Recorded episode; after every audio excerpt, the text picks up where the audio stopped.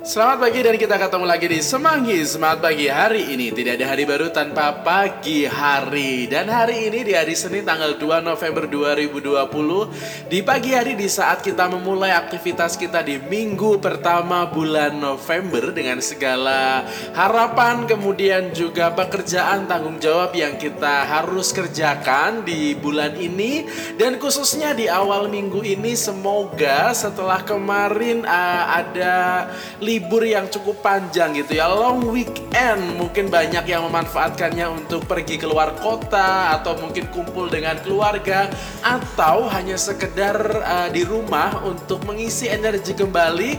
Hari ini kita kembali beraktivitas dalam rutinitas pekerjaan tanggung jawab dan semua hal yang mungkin. Kalau kita ketemu di hari Senin itu ada perasaan pengen uh, masih merasakan liburan gitu ya, maka butuh energi yang luar biasa untuk kita bisa memulai hari Senin yang pastinya punya tanggung jawab yang berbeda dengan akhir pekan kemarin. Ya, hari ini tanggal 2 November 2020, setiap tanggal 2 November kita sekaligus juga memperingati arwah semua orang beriman. Maka untuk kita semua mari di hari ini kita mengingat mungkin ada keluarga atau orang yang kita kenal kenalan, kemudian juga teman, mungkin ada yang sudah mendahului kita. Mari kita sejenak memfokuskan diri atau juga sejenak mengambil waktu jeda di hari Senin ini untuk berdoa bagi mereka khusus supaya mereka mendapatkan ketenangan dan kedamaian di sana.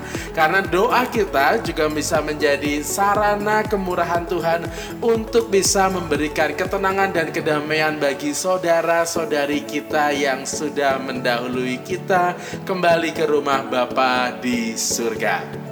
Hari ini bersama dengan Anda semua yang beraktivitas pagi hari Mungkin ada yang sudah mulai siap-siap untuk ke kantor, ke sekolah Atau mungkin Anda yang masih menyiapkan sarapan Mungkin bersih-bersih rumah atau apa pun Semanggi menemani Anda semua menemani kita untuk mencari inspirasi dari kitab suci pada hari ini Tanggal 2 November 2020 Hari ini kita akan membaca dan mendengarkan dari Injil Yohanes bab 6 ayat 37 sampai dengan 40. Jadi untuk Anda semua yang pengen baca secara keseluruhan Injil hari ini, Anda bisa pause seperti biasa suara saya, lalu Anda bisa baca dari kitab suci Anda masing-masing atau bisa juga dari handphone.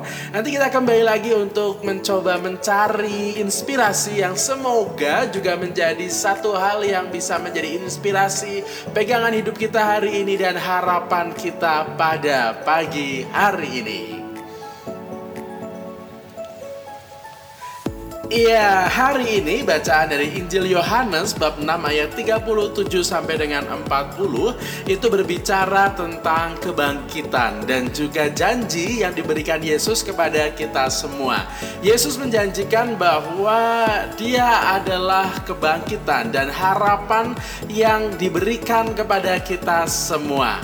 Jadi dan inilah kehendak dia yang telah mengutus aku yaitu supaya dari semua yang telah diberikannya kepadaku jangan ada yang hilang tetapi supaya aku bangkitkan pada akhir zaman. Kata-kata ini menjadi sebuah harapan termasuk iman yang membuat kita lalu setia di dalam menjalani hidup ini. Dan bagaimanapun harapan ini adalah tentang bagaimana kita menjadikan Yesus sebagai satu-satunya sumber keselamatan di dalam hidup kita. Kenapa? Karena di dalam dialah kita yakin ada kebangkitan yang kita akan dapatkan nantinya karena kemurahan Tuhan. Hari ini di saat kita lalu mendoakan saudara-saudari kita yang sudah meninggal, kita juga sebetulnya memohon kerahiman dan juga kebaikan Tuhan untuk diberikan kepada saudara-saudari kita mereka yang sudah meninggal untuk segera mendapatkan kemuliaan dan mendapatkan kedamaian di surga.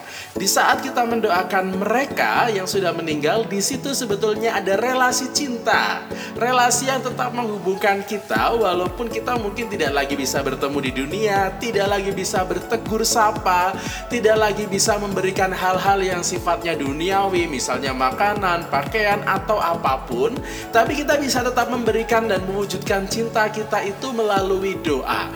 Maka walaupun kita sudah tidak bisa hidup bersama, tidak secara fisik sudah nggak bisa ketemu, mungkin juga ada kerinduan yang luar biasa yang kita rasakan kepada mereka terhadap mereka yang sudah wafat, kita bisa mewujudkan kerinduan dan cinta itu sekarang dengan cara yang begitu mudah, yaitu dengan berdoa. Karena doa yang kita berikan kepada mereka yang sudah wafat adalah bentuk dari cinta yang paling nyata dan real untuk saat ini.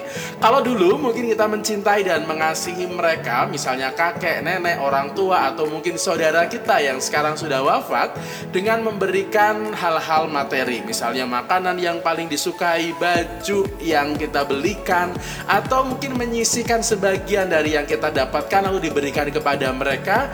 Sekarang mereka nggak butuh itu, tapi mereka hanya butuh doa kita supaya karena doa itu mereka segera mendapatkan janji akan kebangkitan itu dan janji akan sukacita kekal bersama dengan Bapa di surga.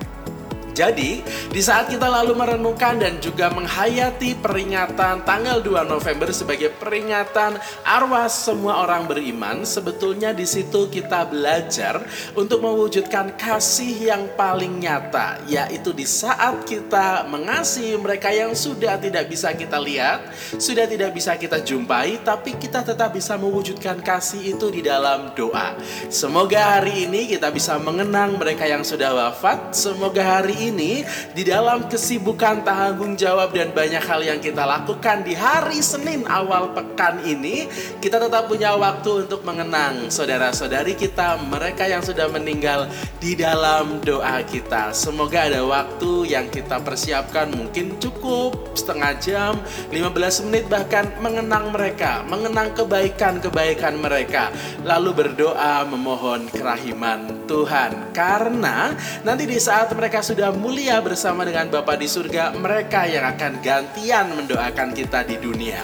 Begitu luar biasa relasi cinta antara kita yang masih hidup dan mereka yang sudah meninggal tidak lagi terpisah, kita tidak lagi ketemu tapi tidak ada keterpisahan antara kita dengan mereka karena kita tetap saling mencintai yang diwujudkan di dalam doa-doa yang kita daraskan di dalam ketulusan hati. Jadi selamat hari Senin, selamat memperingati arwah semua orang beriman. Semoga dengan doa-doa kita yang kita panjatkan dengan tulus dan penuh cinta juga menjadi sumber kebahagiaan bagi saudara-saudari kita yang sudah wafat dan juga nantinya bisa menjadi sumber kebahagiaan untuk kita yang masih hidup di dunia ini.